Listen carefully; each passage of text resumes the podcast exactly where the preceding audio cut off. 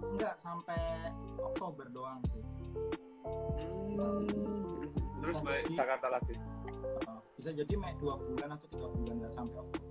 Sambil nunggu Vincent, mungkin gua akan kenalin gua sekali lagi. Uh, gua Oki, gua yang akan jadi host untuk uh, setiap acara temu .x. Kita akan kolaborasi dengan uh, talenta-talenta kreatif yang ada di Indonesia. Nanti kita bakal uh, ulik pengalaman-pengalaman Vincent selama menjadi video editor.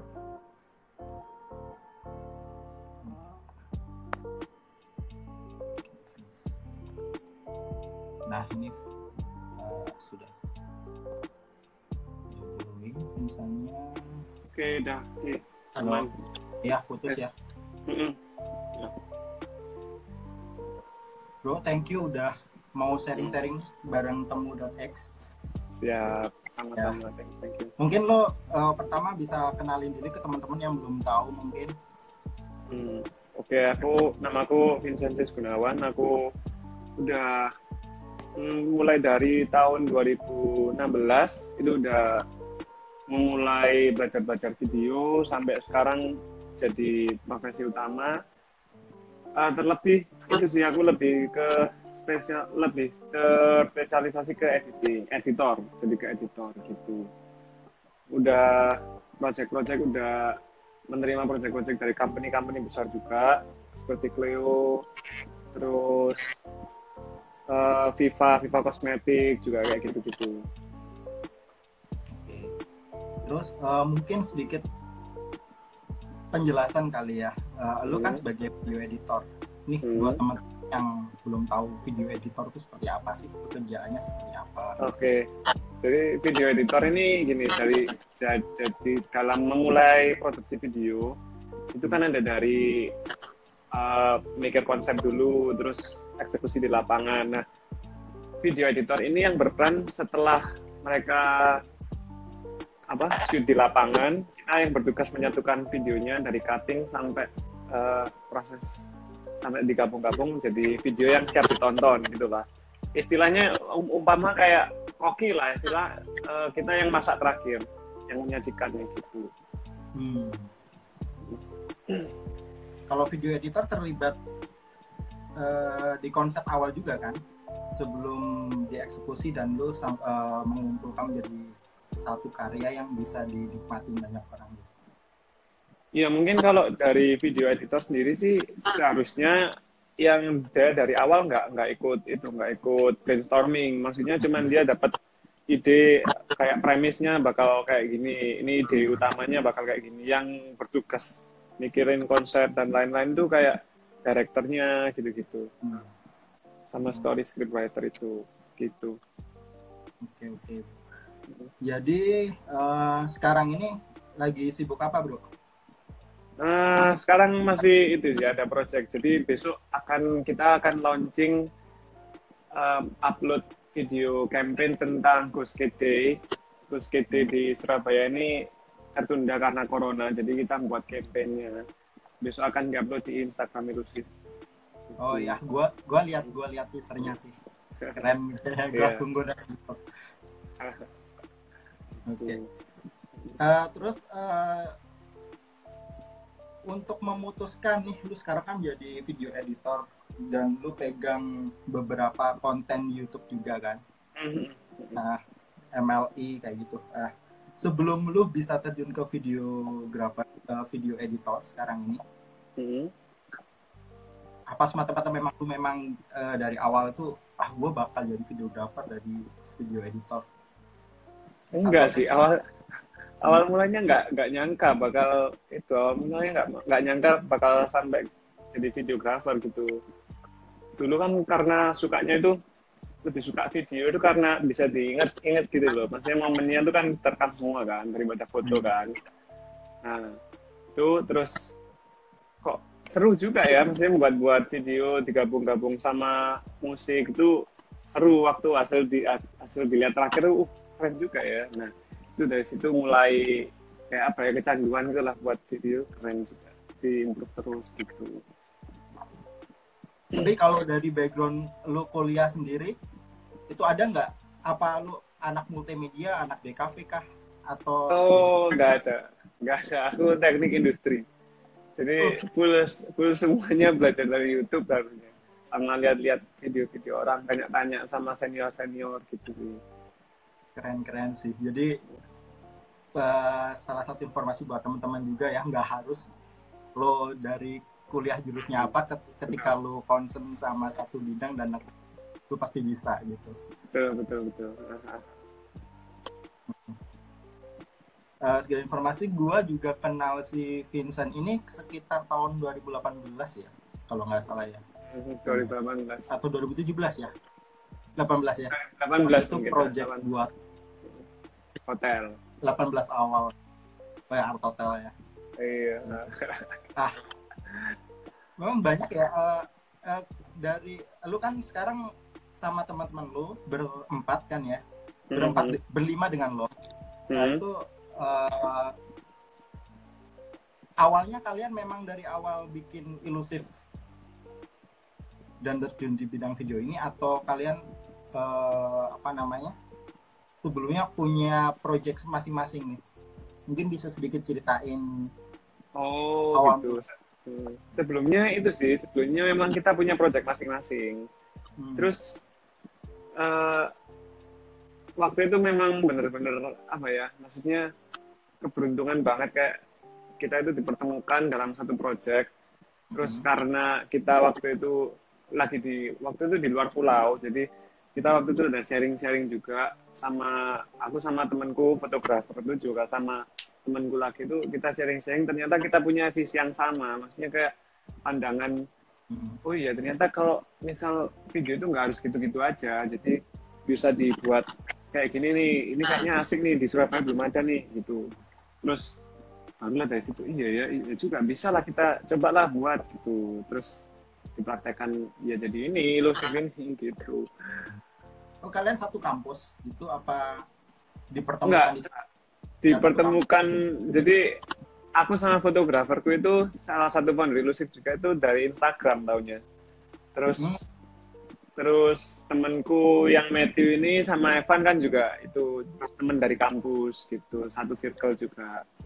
Yang aku nggak nyangka bisa ketemu sama dua orang ini yang fotograferku sama satu orang lagi ini dia sebagai sosial media desain gitu. Ilusif start tahun berapa bro? Uh, Ilusif start tahun 2019 Agustus. Baru ya, tapi lu udah baru baru baru. Kayaknya gede-gede gitu, luar biasa. Iya, baru baru. Ya, puji Tuhan lah. Oke. Okay. Terus uh,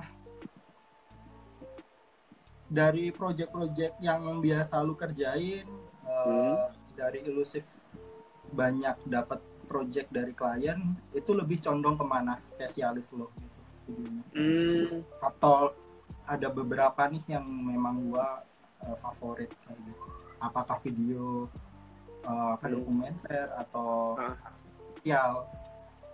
Kayaknya uh, dari yang klien-klien yang kita terima itu sekarang sekarang ini larinya lebih ke apa ya kayak dokumenter sih dokumenter singkat lah gitu. Tadi kayak testimonial misal testimonial orang tapi dibuat kayak dokumenter penjelasan backgroundnya dia apa apa dulu terus manfaatnya dia berpartner dengan brand itu apa kayak gitu-gitu sih.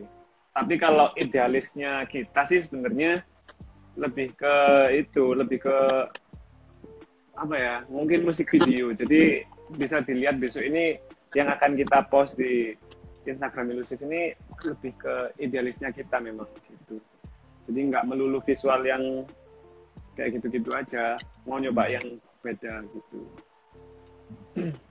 Kalau untuk komersial sendiri salah satunya kayak Honda ya kalau nggak salah ya Hmm, pernah Hmm, hmm. Honda itu waktu waktu itu dealer dealer Honda itu ada mau buat itu sih apa kayak komersial buat Honda RV kalau nggak salah. Ya Honda RV itu perkenalan memperkenalkan Honda RV launching apa gitu gitu. Eh, kemudian kira-kira mungkin eh, untuk jadi seorang videographer atau eh, video editor gitu. Mungkin buat teman-teman nih yang masih kuliah atau yang mau pivot ke area videographer nih industri video nih gitu. Lu ada saran nggak? Atau ada tips-tips gitu? Em, kalau aku sih selalu dulu itu dulu itu bisa seneng karena bisa seneng sama video ini karena aku nemuin itu sih kayak apa ya? Istilahnya kayak role model gitu lah. Harusnya kayak referensi yang aku sangat penasaran sekali gimana sih kok bisa jadi kayak dia nih gimana caranya itu sih mungkin jadi waktu kalian mau pindah tapi harusnya juga ada itu loh apa ya maksudnya kayak ketertarikan ke bidang videografi ini adalah gitu. Jadi waktu ketika lihat video ini, video yang bagus itu, kalian bisa itu apa? Bisa ada rasa pemicunya buat penasaran gimana sih cara buat video keren kayak gini gitu. Terus eh, apa ya? Hmm, lebih ke itu sih jangan pernah puas kayak eh, ilmu-ilmunya harus di-improve terus gitu. nggak merasa style gua udah keren nih Mm, mm, mm, jangan pernah merasa gitu. Itu buat yang baru belajar-belajar mungkin ngerti kayak camcorder gitu-gitu langsung buat video camcorder. Beda bilang wah aku bisa nih buat video keren kayak gini. Padahal sebenarnya video keren ya bukan dari hanya visual aja gitu.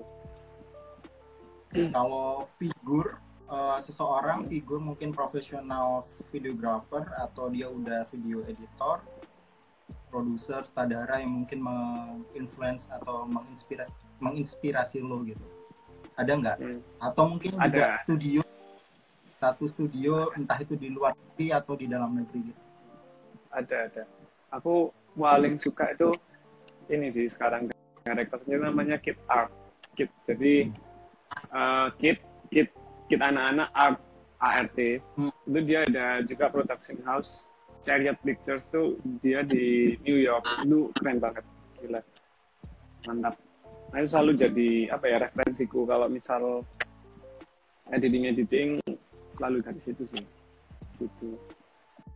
banyak ngerjain video apa Eh, videonya itu komersial kah dokumenter kah Hmm, Atau yang itu, yang karakter itu tadi.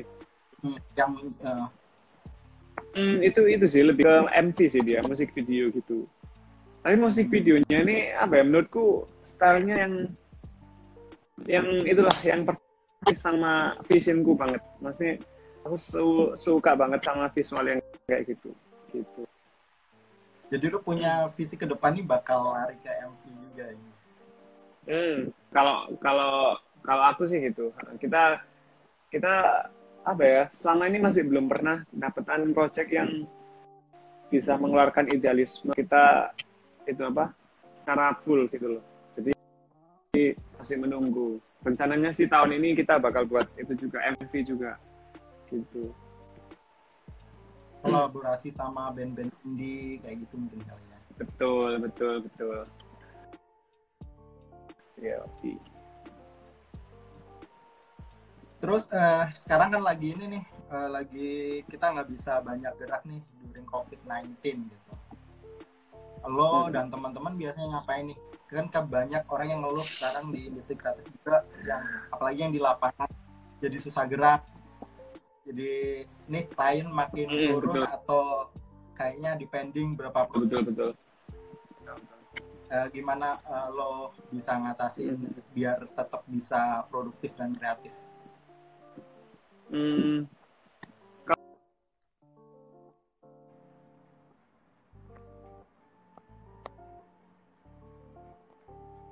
rehat lah rehat dari apa pekerjaan rutin yang biasanya selalu di dikejar deadline. Kita biasanya sering itu sih sering meeting online terus kita bahas mau buat project portfolio apa gitu. Jadi ke memanfaatkan waktu ini untuk kita ada project portfolio dan kolaborasi sama brand-brand itu. Tapi yang sesuai sama idealisme kita gitu.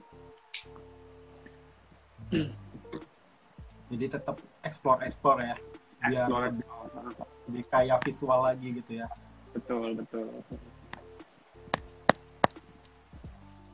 Terus ke depannya ini dalam waktu dekat uh, kan lu bakal rilis nih video besok gitu. Mm-hmm. uh, ada lagi nggak project-project uh, idealis lainnya gitu? Mungkin cerita sedikit tentang MLI lu kan juga banyak pegang di MLI kan di mm-hmm. nah, Jadi itu kalau di... banget yang mana mm. menurut gua cepet banget ratingnya dan tuh lucu banget kontennya cukup menghibur gitu Iya sih, karena menurutku itu mungkin itu ya kontennya jarang ya di Indonesia. Maksudnya yang jarang membahas uh, hal-hal topik tabu seperti itu dan edgy. Maksudnya yang riskan masalah sih itu sebenarnya. Cuman apa itu? Uh, ya aku suka sih karena kayak apa ya kayak maksudnya uh, undercover banget gitu loh. Kayak nggak semua orang kepik nggak semua orang bisa berani buat konten kayak gitu gitu loh hmm. jadi terus terus dalam waktu dekat ini ini kita bakal syuting lagi untuk lanjutin yang Bondowa itu lanjutannya yang kapan lalu karena kapan lalu sempat ketunda karena ini covid ini jadi narasumber kita nggak bisa nggak berani keluar nggak berani produksi gitu jadi hmm. jadi tunda. Terus sekarang dalam waktu dekat ini kita mau syuting lagi mau ngelanjutin lagi udah udah siap lagi. Gitu. Lu bisa cerita juga ini awalnya gimana sih lu bisa sama majelis lucu Indonesia gitu? Uh, lu kan di ilusif nih. Apakah ilusif uh -huh.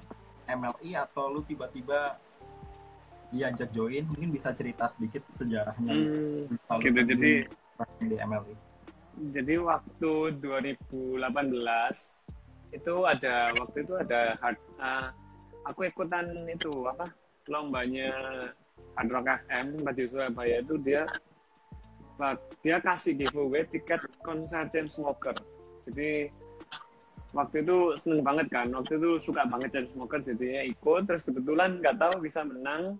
Terus waktu menang itu nah aku ketemu sama Dono ini. Dono ini kan waktu itu jadi hostnya jadi penyiar radionya Hard Rock kan waktu itu. Terus uh, waktu itu dia masih jadi penyiar radio aku ngevideo-video. Maksudnya aku kan seneng aku ngevideo ngevideo James Smoker ngevideo perjalanan ke Jakarta terus selesai dilihat nih sama dia. Oh ternyata bagus juga hasilnya gitu loh. Maksudnya hmm. dia menurut dia bagus terus waktu tahun 2009 awal mungkin dia ditawari join sama MLI sebagai talent.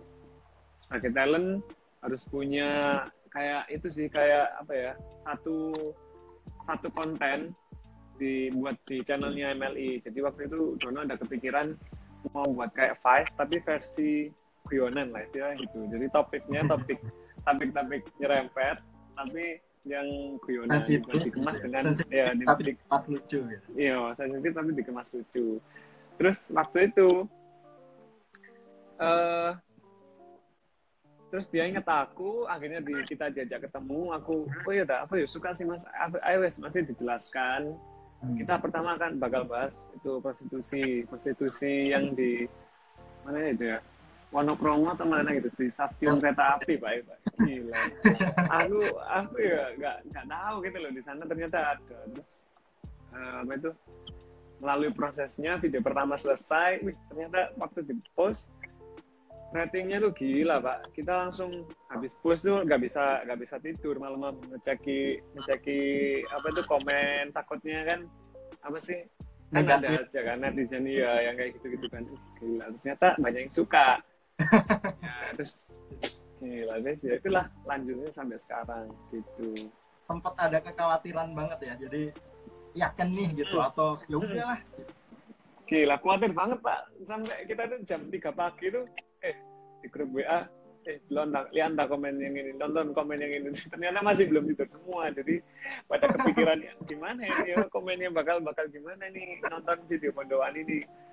Apakah banyak haters atau enggak? Karena waktu itu di MLI yang aku tahu apa itu kayak kayak netizen netizen MLI ini komentarnya tuh pedas-pedas pak. Jadi kayak kalau udah nggak suka sama satu konten itu pasti kayak di turun turunin gitu loh. Drop sih Dislike, sebenarnya. ya. cuman untungnya enggak. Nah, dislike dislike gitu gitu begitu. Terus Itu untuk banget sih. Gua selalu ngikutin bro. Eh, oh, selalu gitu juga ya? Nonton. Adik gua paling suka juga tuh ngikutin. Oh alah iya iya Iya gimana banget. lanjut lanjut lagi. Kalau apa itu sama ilusif sendiri itu kita kayak partnership gitu sih, cuman tapi untuk kontennya Bodowani aja gitu. Jadi nggak nggak yang nggak yang apa itu full konten NLI kita yang handle, cuman Bodowani aja gitu.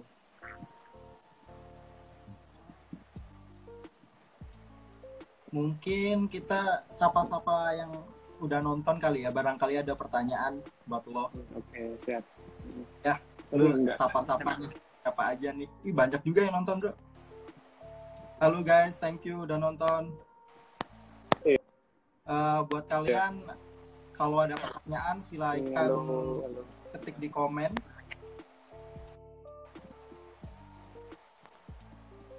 Ada Indra Pramujito. Halo ko. Mana nih?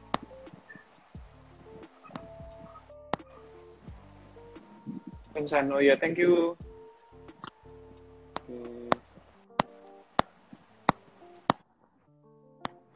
Tadi ada yang tanya. Mana ya, kok nggak ada ya? Mas lensa vintage yang jamik buat video. Ah, kayak Minolta MD 50 mili itu bagus banget tuh beauty-nya maksudnya dreamy banget karakternya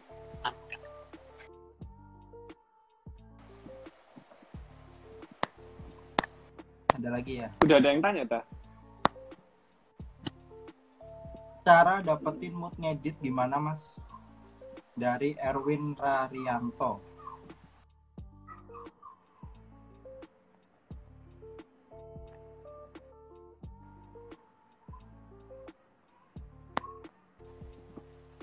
Halo? Putus ya? Eh, untuk oh, Putus. untuk sorry bisa ulang lagi nggak Mm-mm. Ah, tadi apa pertanyaannya? Cara dapetin mood ngedit. Aku sekarang itu sih sering-sering di rumah. Kalau misal masih belum mood edit aku biasanya itu sih ngekrem ngekrem minum-minum gitu dulu. Nanti waduh. Terus biasanya jadi mood gitu loh. Itu kalau kalau aku ya tapi tiap orang berbeda-beda sih harusnya. Kalian harus cari sendiri cara biar iya. mood. Hmm, itu susah mbak. Aku sampai sekarang dari empat tahun ya. Berapa ya? Dari 2016 sam- eh iya empat tahun dari itu sampai sekarang baru nemu cara naikkan mood edit itu ya barusan ini. Waktu terpas untuk ngedit gitu pagi hari kah? Setelah subuh atau malam hari kah? Atau tengah malam kah? Hmm, aku mulai biasakan sekarang dari pagi dari jam 10-an sampai eh, itu siang ya jam 10 jam 10 sampai jam 3-an lah gitu. Tapi kalau mepet deadline sih ya bisa dari jam 12 malam. Sebenarnya dulu itu sih paling paling enak waktu malam ya pasti bekerja Iya, ya, desain pasti. desain ini pasti malam deh pasti Iya. gitu kan Tapi deadline ya melean ya. hmm, makanya jelas lah pasti Ada lagi pertanyaan nih, kok mau tanya cara mulai bikin portofolio biar laku itu gimana caranya? Bikin sorel gitu kali ya ini maksudnya. Hmm. Nah, aku baru dapat, aku habis mikir-mikir lagi kalau misal untuk beginner yang mau mulai dari awal, saranku sih kalian harus cari apa ya maksudnya video itu kan ada banyak nih, ada dokumenter, ada video traveling, ada video fashion, ada komersil gitu kan. Nah,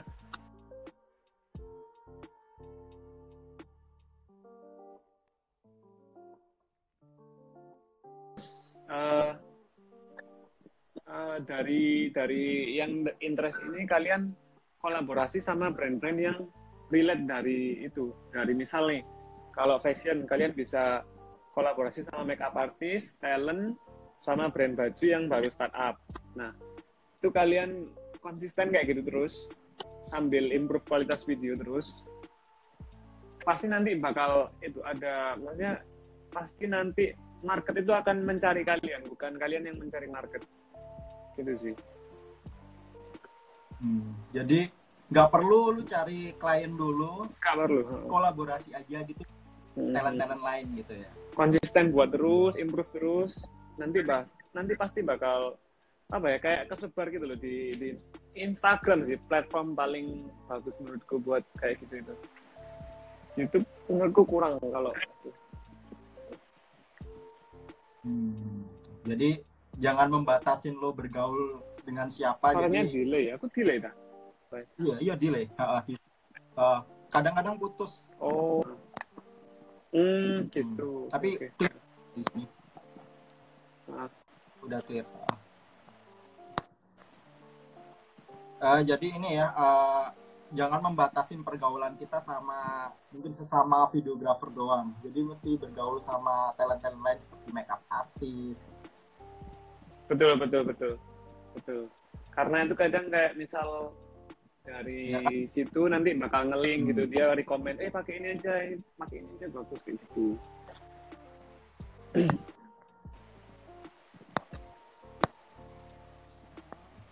Terus mungkin ada oh ini nih. Udah cukup jelas ya mungkin penjelasannya. Ada pertanyaan lagi. Workflow editing dan rekomend dong yang kodek Yang intermediate dong, paling mudah dikelola. Pak.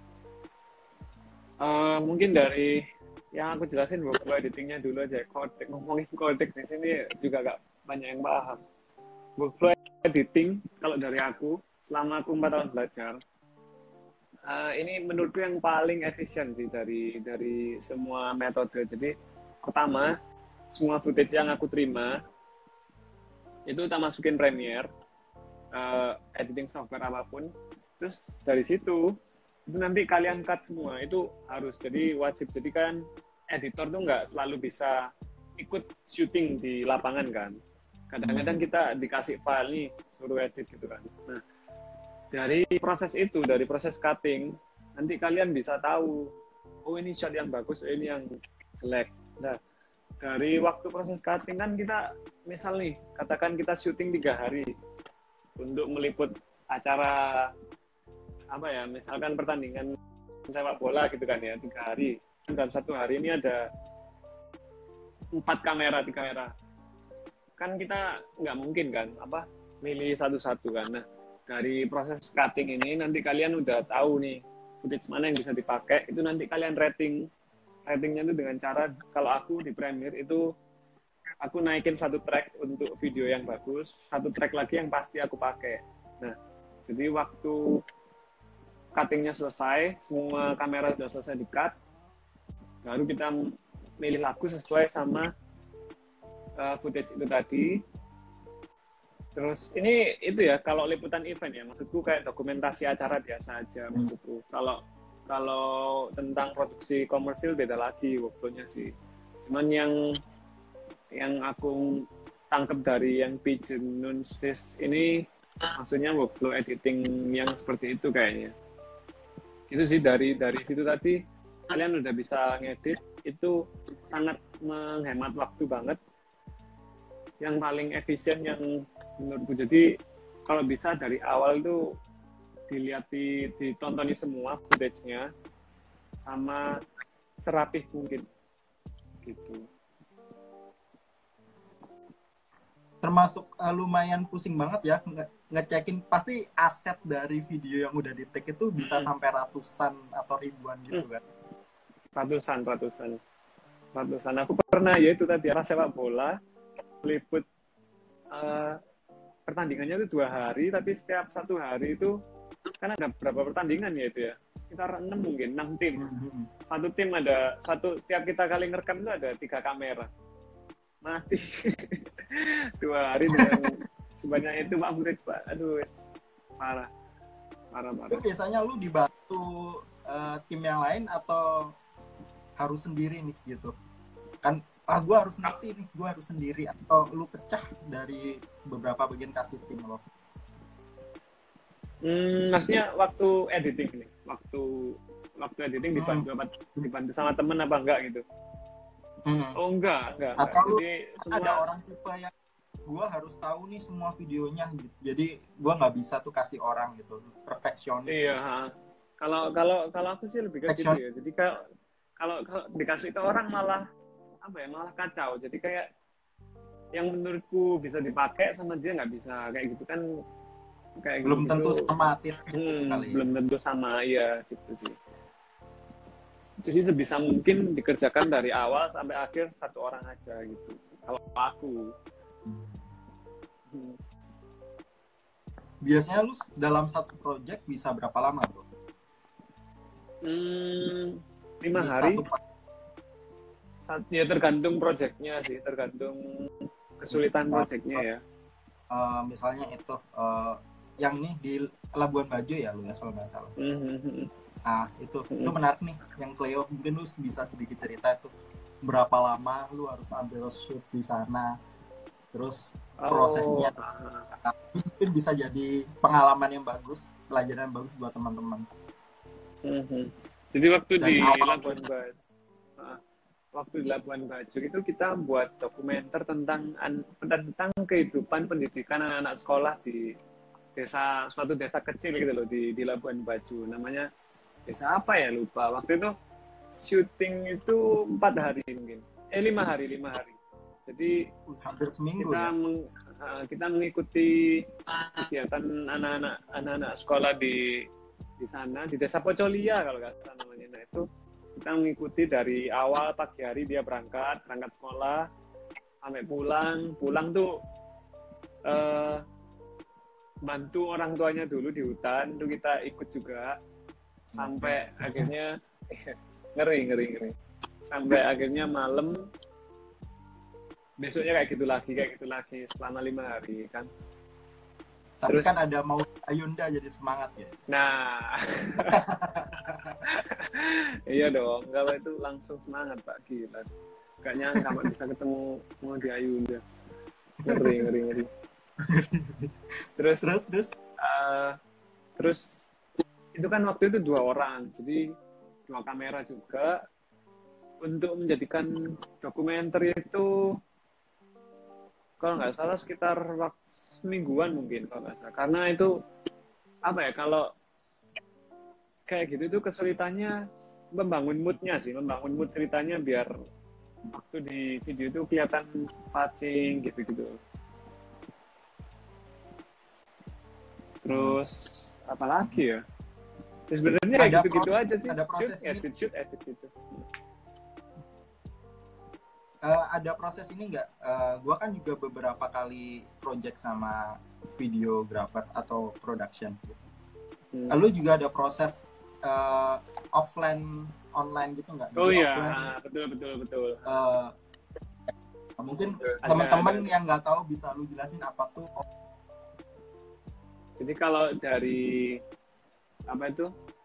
Jadi kalau dari ilusif sendiri kan kliennya maksudnya permintaannya banyak. Maksudnya dari ada yang minta video dokumenter ada yang video campaign gitu-gitu kan. Nah sebenarnya untuk mengatasi kalau dari kita sendiri untuk mengatasi proses revisi yang bolak-balik yang maksudnya yang menghindari proses menghindari kejadian yang proses revisi terus itu kita pakai cara itu offline online tadi. Jadi eh, offline edit itu kita buat jadwal nih dalam apa ya alur produksi video. Jadi waktu di jadwal tanggal sekian syuting tanggal sekian kita harus serahkan offline edit. Offline edit itu kayak susunan video yang cuma disusun aja belum tanpa event tanpa apa yang memastikan kliennya tuh tahu oh ceritanya tuh bakal kayak gini visualnya kayak gini tapi belum melalui proses editing efek filter warna-warna gitu-gitu. Musik juga masih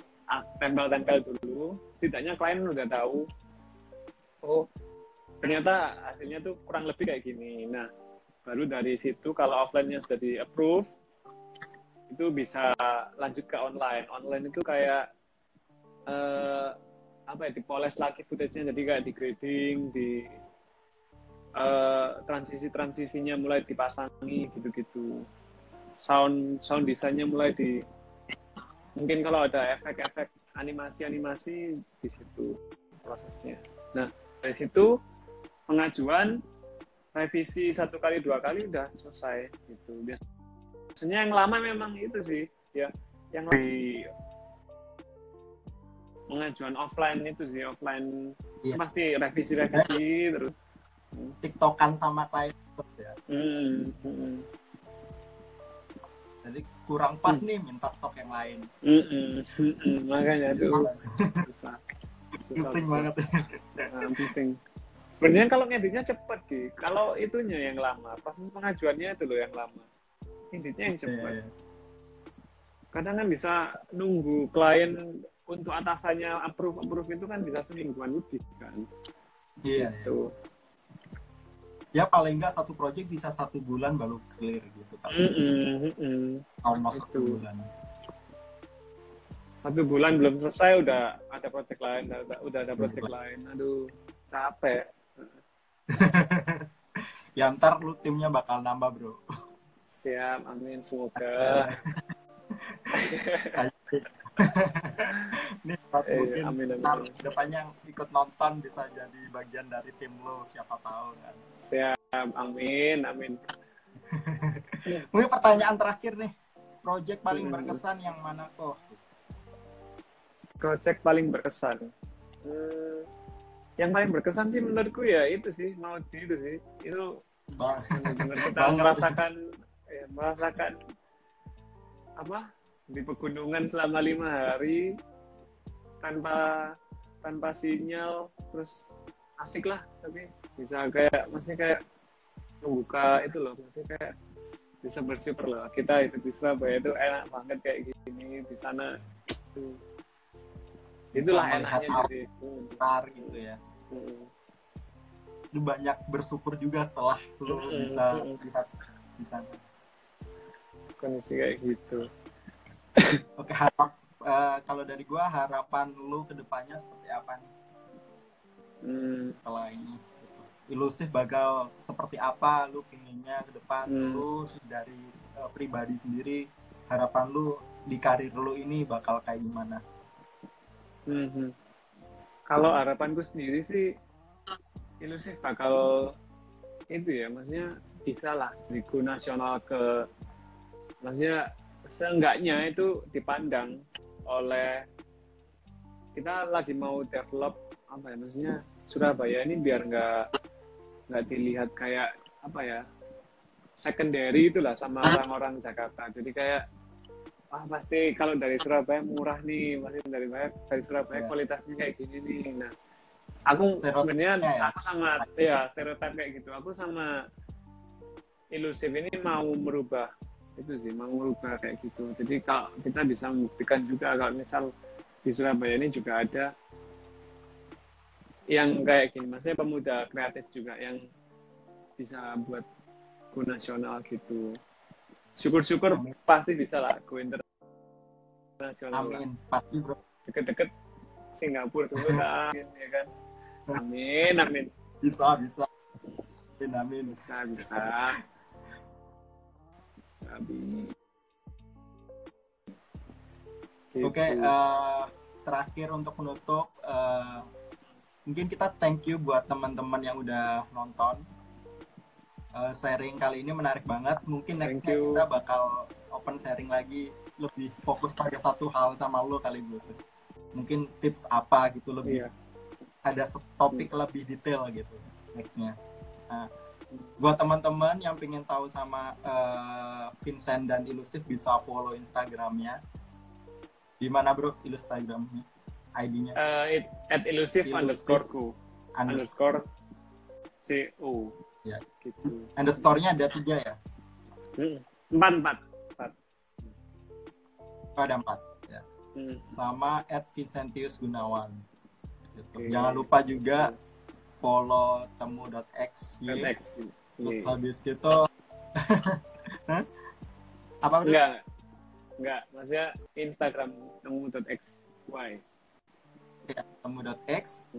Uh, kita juga bakal share videonya ini di IGTV kita Uh, dan kita post di Spotify. Kalian bisa dengerin sambil melakukan kegiatan apa, kalian bisa dengerin sharing-sharing kita ini dan semoga bisa bermanfaat buat kalian semua.